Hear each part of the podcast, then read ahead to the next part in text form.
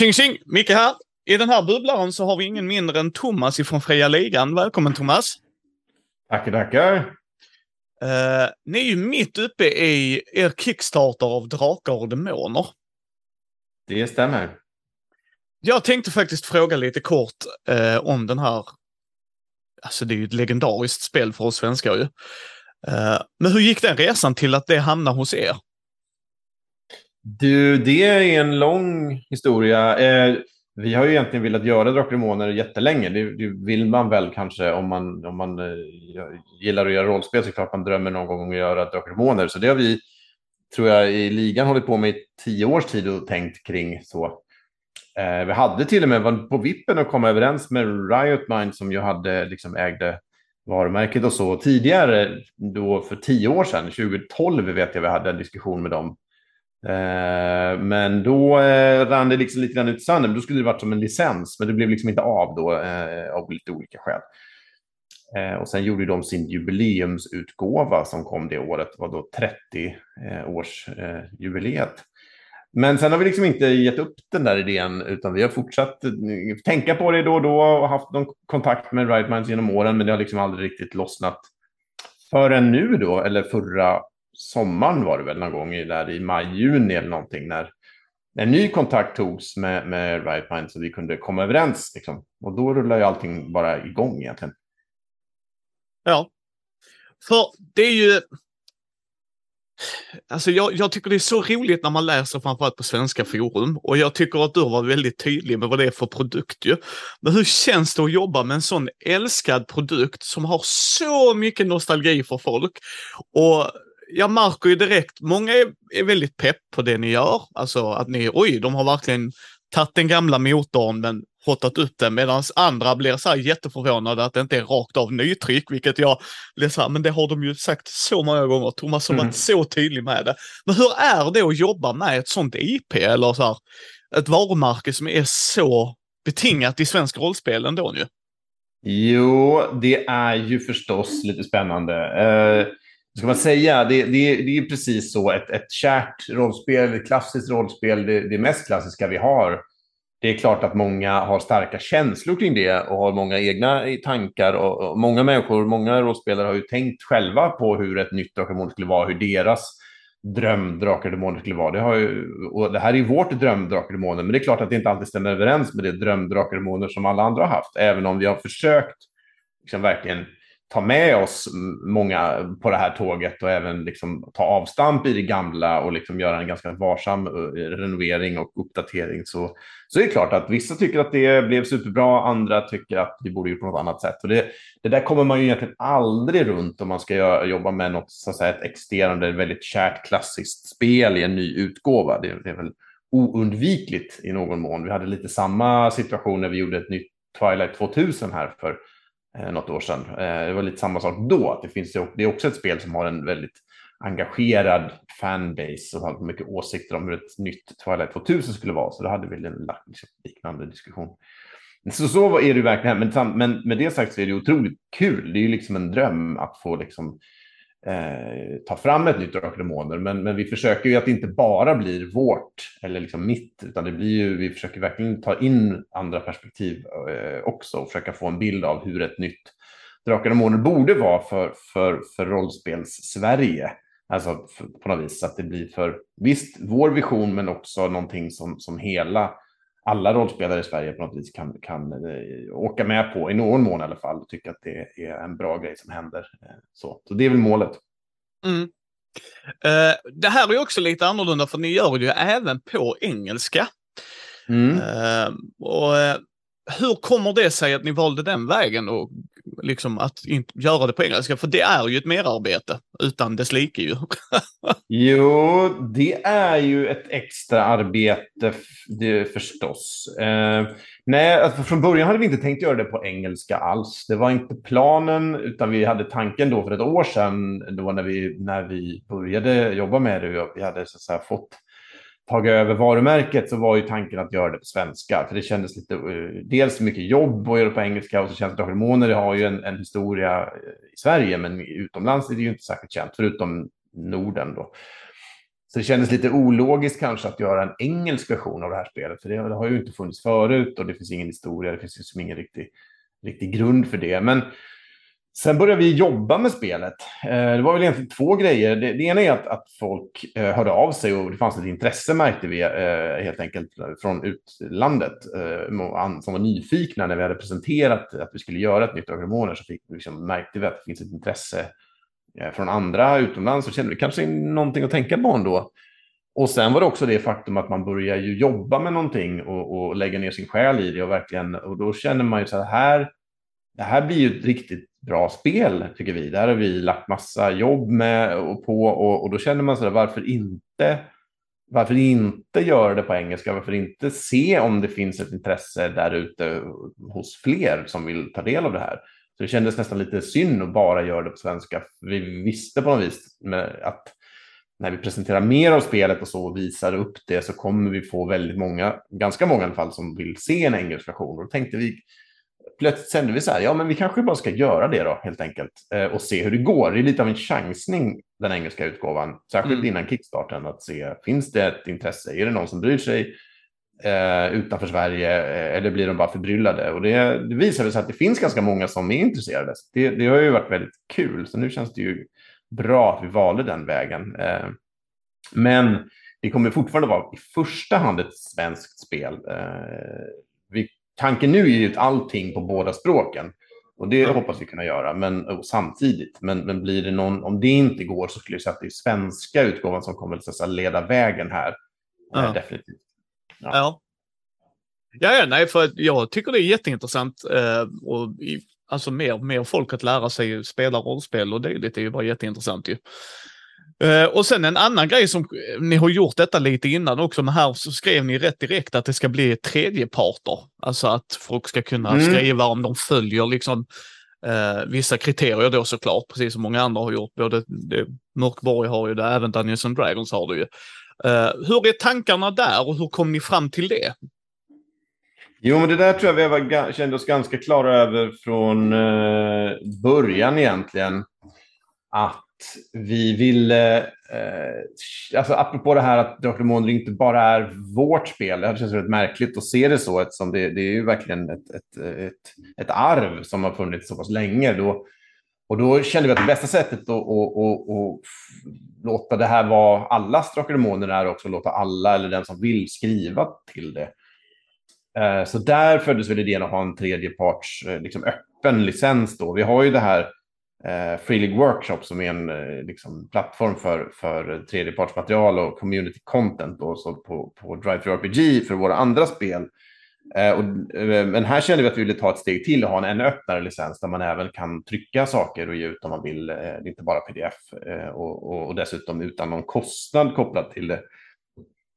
Eh, det enda man behöver göra är att följa vissa regler för vi vill ändå ha någon slags någon slags kontroll över vad som ges ut till spelet. För det, om man följer dem så kan man få sätta en liten logga längst ner att det här är ett tillbehör till Drakar Demoner. Liksom. Men mm. du behöver också ha någon slags kunna, liksom, kontroll över så man kan göra precis vad som helst så det är väl planen eh, och där har även då eh, den licensen som Mörkborg har är också eh, lite liknande. Så den har vi också kikat på förstås. Den har ju blivit väldigt roligt att det har exploderat med saker som görs till det spelet. Och vi hoppas ju att det kommer bli så för Drakar också. Eh, med fokus kanske mest på den svenska sidan skulle jag gissa. Vi får väl se om det finns Eh, folk där ute i utlandet som vill skriva till Dragonbane också. Men annars tänker jag att det är väl i huvudsak tänkt för den svenska sidan.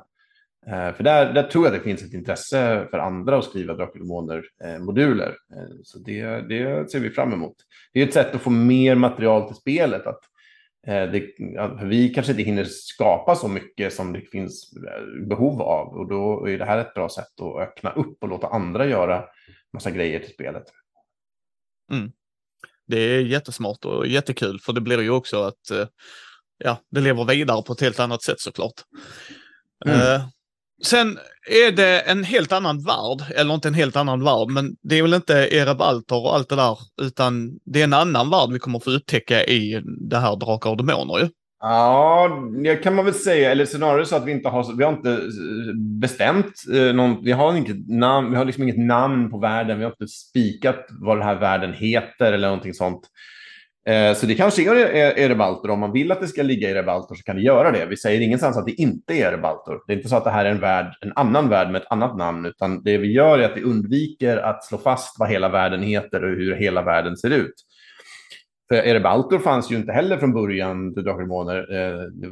Det dröjde flera år innan det dök upp. Eh, utan ursprungliga Drakar var ju också, precis som det här Drakar utan någon världskarta, utan det var ju mer en ett, ett, ett, eh, verktygslåda där man kunde skapa egna världar och spela där man ville och lite som man ville. Så att vi har, så att säga, det vi har är en mikrovärld eller en mikrosetting som är en dal, men den är ganska liten och begränsad och där beskriver vi vad som finns i den här dalen. Men inte vad som finns utanför, utan där, då, där, där vill vi liksom lämna det öppet så att man kan skapa, spela i den värld man vill eller, eller hur man vill göra. Det vi också har i grundspelet eller i introduktionskampanjen är en slags mytologi kan man väl säga, med lite grann en historik av, av att det har funnits en uråldrig konflikt mellan drakar och demoner. Vi ville få in liksom namnet lite mer i, i spelet. Eh, så där har vi liksom byggt en, en historia, en liten mytologi som finns. Och den finns ju kvar och den kommer ju gälla eh, allt material som vi ger ut i spelet kommer liksom ändå att eh, ha samma grundläggande mytologi och samma grundläggande hur världen funkar på något vis. Så, att, så det ska kännas som att allt material vi ger ut kan vara i samma värld. Det finns, vi ska inte ha en modul som säger att det, gudarna är på det här sättet, sen kommer en helt annan modul som säger att de är på ett helt annat sätt. Så vi vill inte få motsägelser. Det ska ändå kännas som samma värld, men vi kommer inte i varje fall inte vad vi tänker nu, ge ut någon, någon världsbok eller någon sån här stor världskarta och här ligger det landet och här ligger det landet, utan det, vi vill hålla det mer öppet. Fokus är mer på liksom mer sagokänsla och, och liksom äventyr snarare än det här eh, vad man kallar för culture gaming och väldigt liksom, tränga in i en, en, en, en spelvärld liksom, på det sättet. Det finns andra spel som är otroligt bra på den delen. Eh, det är inte det som är fokus för Drakar eh, just nu i alla fall. Men sen kan det också komma tredjepartsmaterial med världar. Det, det är mycket möjligt. Eh, det är ju fritt fram. Ja. Uh, sen är det ju, stilen är ju, alltså det är Johan Egerkrans stil bland annat ju, och den är ju fantastisk, fenomenalt. Alltså bara den ankan, Thomas, mm. fick mig att instabacka. Det var liksom bara, jag bara snälla säg att det är det trycket som kommer att åka med och det var det. Så bara, alltså den är, jag älskar ankor för övrigt. Jag vet att Mattias mm. Jonsson Hake inte gör det, men han har fel. Mm. uh, men det är ju också en del, eh, lite blinkning till vad Drakar och Demoner har varit, för han har ju ritat illustrationer till det innan ju. Men hur tänker man när man, dels att det är en sån älskad produkt, bara själva med fonten och allt det där, att även där blir det ju, ja men det är ju inte riktiga Drakar och Demoner-font. Nej, nej men det är liksom, fria ligan ska ju göra sin grej. Hur tänker ni runt just det? För att illustrationer, för mig i alla fall, är väldigt viktigt för rollspel för att få en känsla av vad är det de vill förmedla. Till exempel i Symbarum har ni ju fantastiska illustrationer som är väldigt mer nedtonad, mörka, mer grundat. Så hur är tankarna för Drakar och Demoner? Du menar för... för Illustrationerna. Illustrationsmässigt? Ja, yes. precis. Ja, men där är ju tanken då... Eh, det är, illustrationer är otroligt viktigt och det är också ett sätt att särskilja Drakar och Demoner från våra andra spel.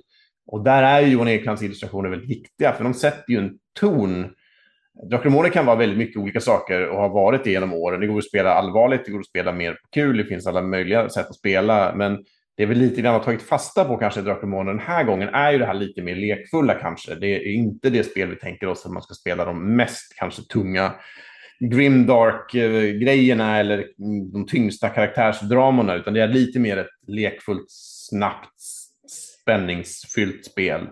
Och där passar ju hans stil på illustrationerna väldigt bra och framhäver liksom den känslan lite. Det är ett sätt att göra det här Dr. lite annorlunda också från till exempel Symbarum som ju har en annan ton. Liksom. Mm. Det finns likheter, men det, finns ju, det här är ett sätt att, att, visa skillnaden göra, ge Dr. liksom en annan känsla. Så det är ju helt enkelt meningen och där är ju illustrationerna eh, ju superviktiga.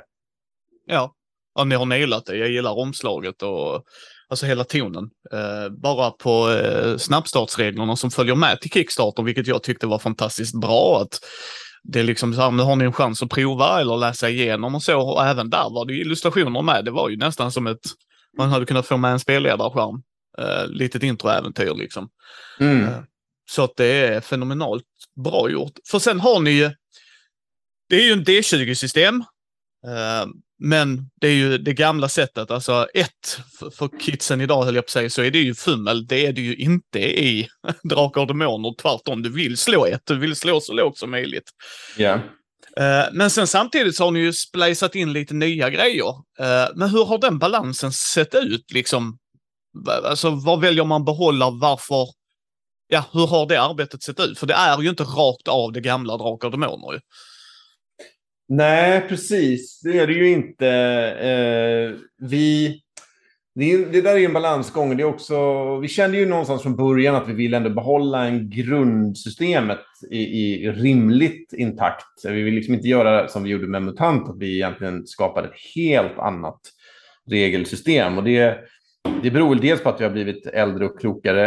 Eh, dels kanske att vi eh, eh, MUTANT har lite, är lite, har lite mer distinkt liksom, spelvärld då, även om den också kan förändras och, och så, så är det ändå liksom, medan Drakmoner har ju varit ganska öppet, så att säga, öppet generellt fantasyspel och då hade vi dessutom gjort ett helt annat regelsystem, då hade det kanske inte riktigt ens längre känts som Drakar och Demoner. Så det kändes viktigt att behålla grunden.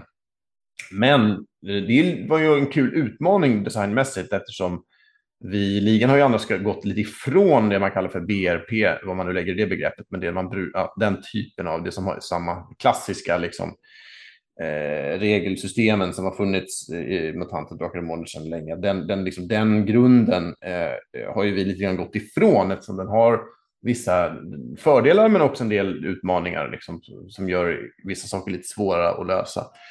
Men det här var en kul sätt att gå tillbaka till ett sånt typ av spelsystem och se vad vi kunde göra, hur vi kunde skruva på det för att kanske komma runt en del av de klassiska problemen man ofta stöter på förr med, i de här.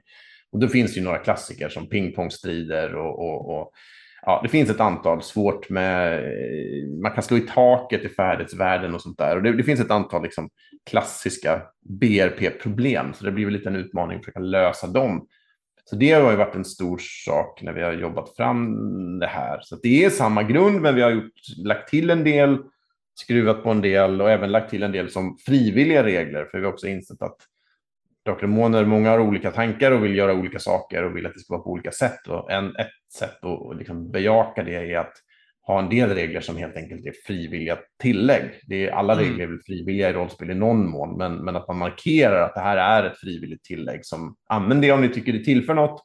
Annars skippa det, det går bra att spela ändå. Liksom. Så det har ju också varit ett sätt att tänka kring det för, för att i, i möjligaste mån i alla fall göra ett, ett spel som många kan, kan känna igen sig och, och tycka är kul. Ja, alltså för jag, jag gillade det. Jag tyckte att det kändes fräscht eh, när jag satt och läste snabbstartsreglerna och kände att ja, men det här tillför någonting. Det är fortfarande det klassiska. Sen har jag inte spelat jättemycket av det klassiska. Jag växte inte ut med det ska heller ska sägas ju, men jag förstår liksom, alltså verkligen, alltså nostalgi är också en sån stor känsla hos folk, men samtidigt mm. blir det så här, vi ska få in folk, inte få bort dem och då kan det ju inte bara vara, du vet, de klassiska grejerna som jag också har hört. Så att ja, jag gillade det. Jag fick en bra en bra bland, blandkänsla av det liksom. Uh. Nej, det är bra. Nej, för det är lite så uh, att vi, vi vill inte heller, nostalgi är väl inget fel på i sig, men vi kan inte bygga ett spel bara på det. Det här är inte en nostalgiutgåva. Det är inte, inte syftet med, då hade vi kunnat trycka om gamla spelet. Det kan man väl tänka sig någon gång kanske, men det här vill vi vill göra Drakar Demoner för nutiden, som visserligen då liksom verkligen hedrar arvet, det som finns gjort sedan tidigare och, och för det vidare, men också tillför något och gör någonting som kanske passar lite bättre för nutiden. Eh, så det är den balansen vi hela tiden har försökt eh, liksom, tänka kring. Och då, så att, eh, på vissa sätt har vi avsiktligt gått ifrån det gamla för vi tyckte att de delarna kanske inte riktigt funkar längre. Så, så, så är det ju definitivt. Ja, alltså jag, som sagt, bra, bra balans. Sen är det yrken och släkten, alltså folk kommer ju känna igen sig en del. Men vad jag har förstått det som, och du får rätta mig om jag har fel här, så har ni slimmat ner färdigheter och dylikt en del, va?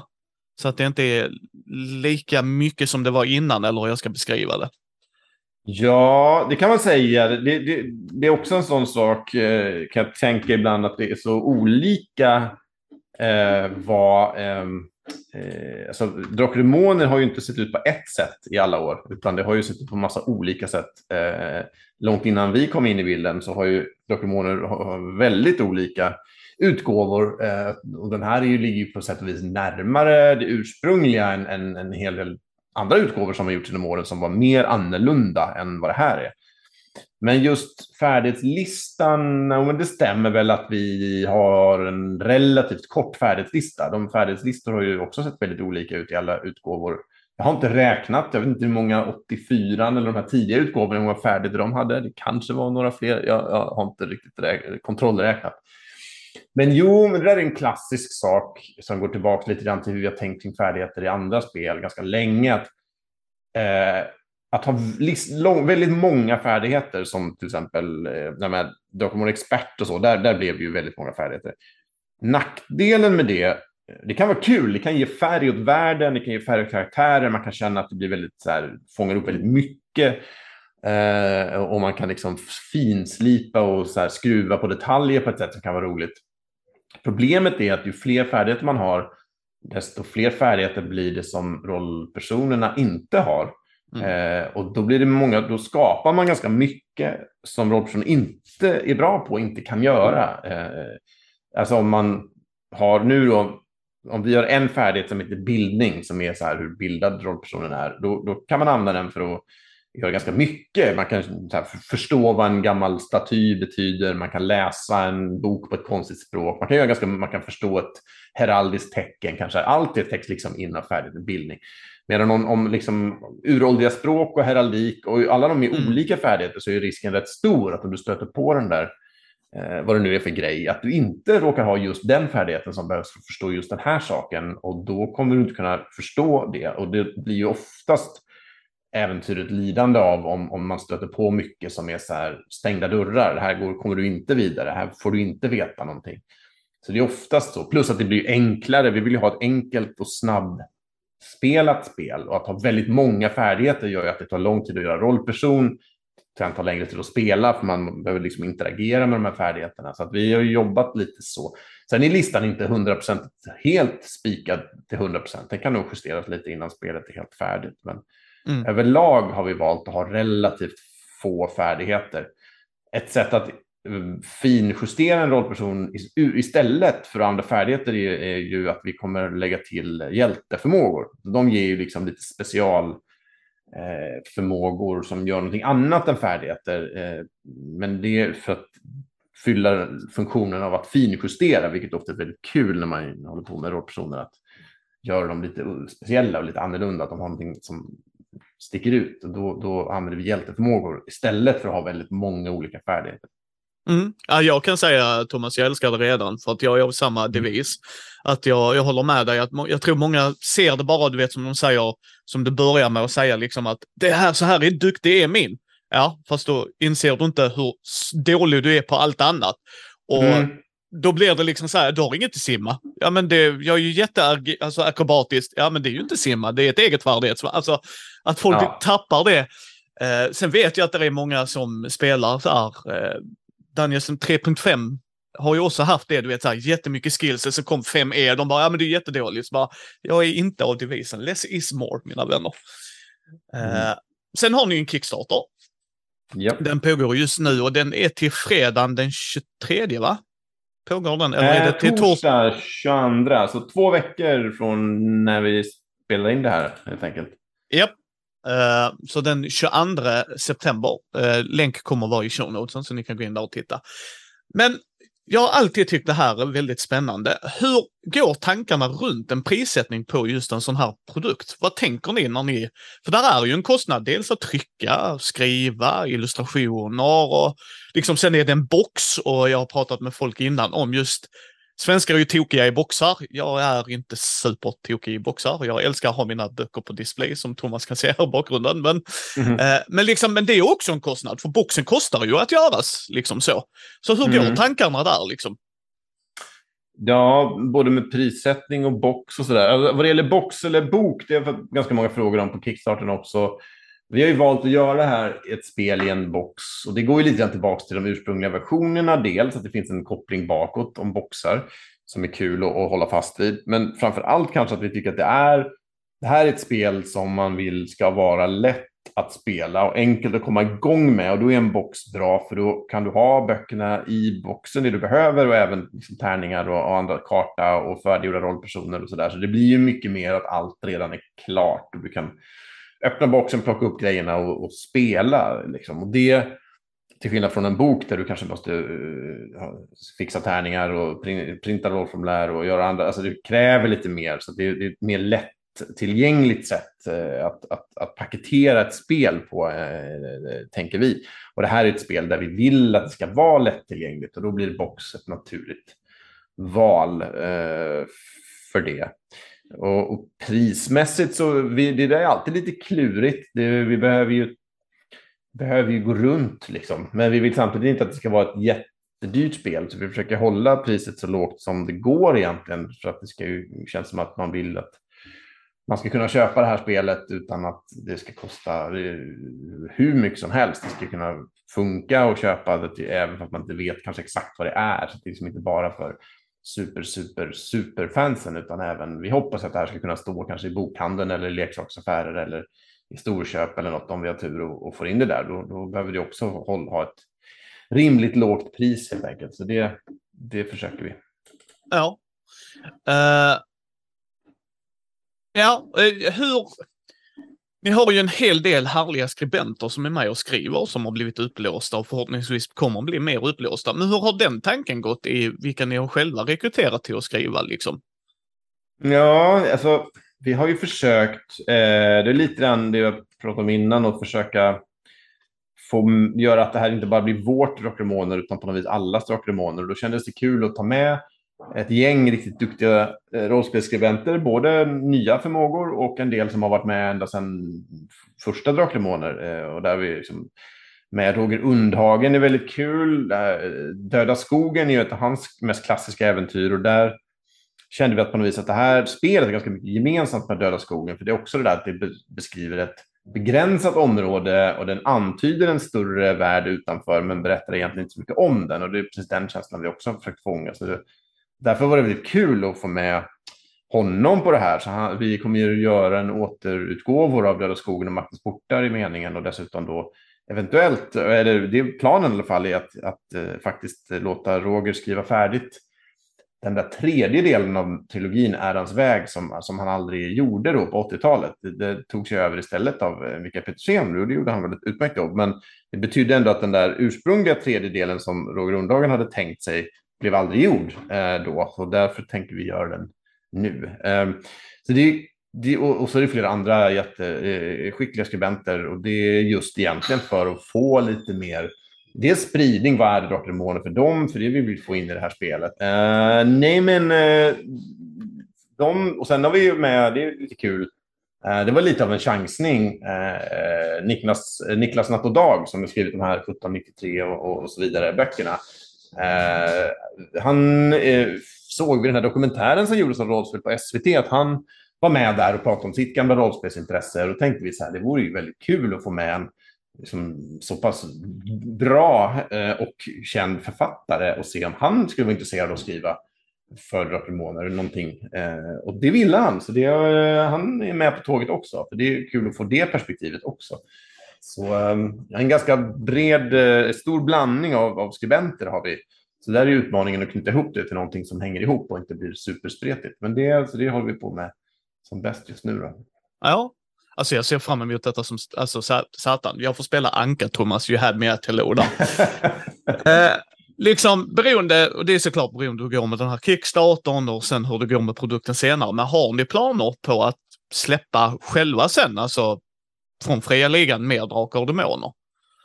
Eh, olika äventyr, kampanjer, alltså. Jo då, eh, absolut. Så vi, vi, tanken är att ge ut moduler eh, förstås eh, och då tänker vi varva i meningen eh, eh, e, nytt, helt nyskrivet material med nyutgåvor av, av äldre material. Jag nämnde ju redan Ärans väg, då, den här Roger trilogi. Vi har även planer på liksom en del andra äldre grejer som vi ger ut igen, men upp, i uppdaterad version. Då. Det behöver ju anpassas till reglerna lite grann eh, och, och, även kanske en del andra saker man vill justera så här 30-40 år efteråt. Men inga jätteförändringar. Det ska ändå kännas som samma äventyr i grunden. Det är inte så att vi bara tar namnet och skriver något helt annat, utan det är ändå samma äventyr i grunden, men, men, men uppdaterat och eh, modifierat lite lätt. Det är det ena. Och sen vill vi också göra helt nytt material. Och där har vi en hel del idéer på gång och så, men det är lite tidigt att gå in på detaljer. Men, men definitivt, tanken är väl ungefär 50-50 kanske, eh, nytt gammalt eh, material. Mm. Den sista frågan Thomas, så ska du få gå vidare. Ja. Jag bara tycker det är så här, eh, för många tycker att så här, men kommer de göra svärdets sång och så? Och jag, när jag läste det här och jämfört med de andra produkterna, detta är ju en annan grej. Så vem, vem, vem ty tycker du Drakar och Demoner riktar in sig mer på? Liksom, vad är, vilken publik anser du? För även, även vi nostalgiker, eller de som är det, eller jag som älskar rollspel, kommer ju hitta någonting, men det är ju inte alltid vi som är hu huvudfokuset, så att säga. Så vem är den nya Drakar och Demoner för? Är det för, liksom, är det för nybörjarna att vi ska få in dem i det klassiska, eller hur är tankarna där? Ja, alltså jag tror att nya Drakelmoner är egentligen för alla som är intresserade av rollspel. Det är, på något vis, Draklemoner är ju, tycker vi, ska vara liksom portalen. Det är liksom den stora liksom, eh, den, in, utgångspunkten kanske för, för rollspel. Det är som om man tänker på rollspel så tänker man Drakelmoner på vis.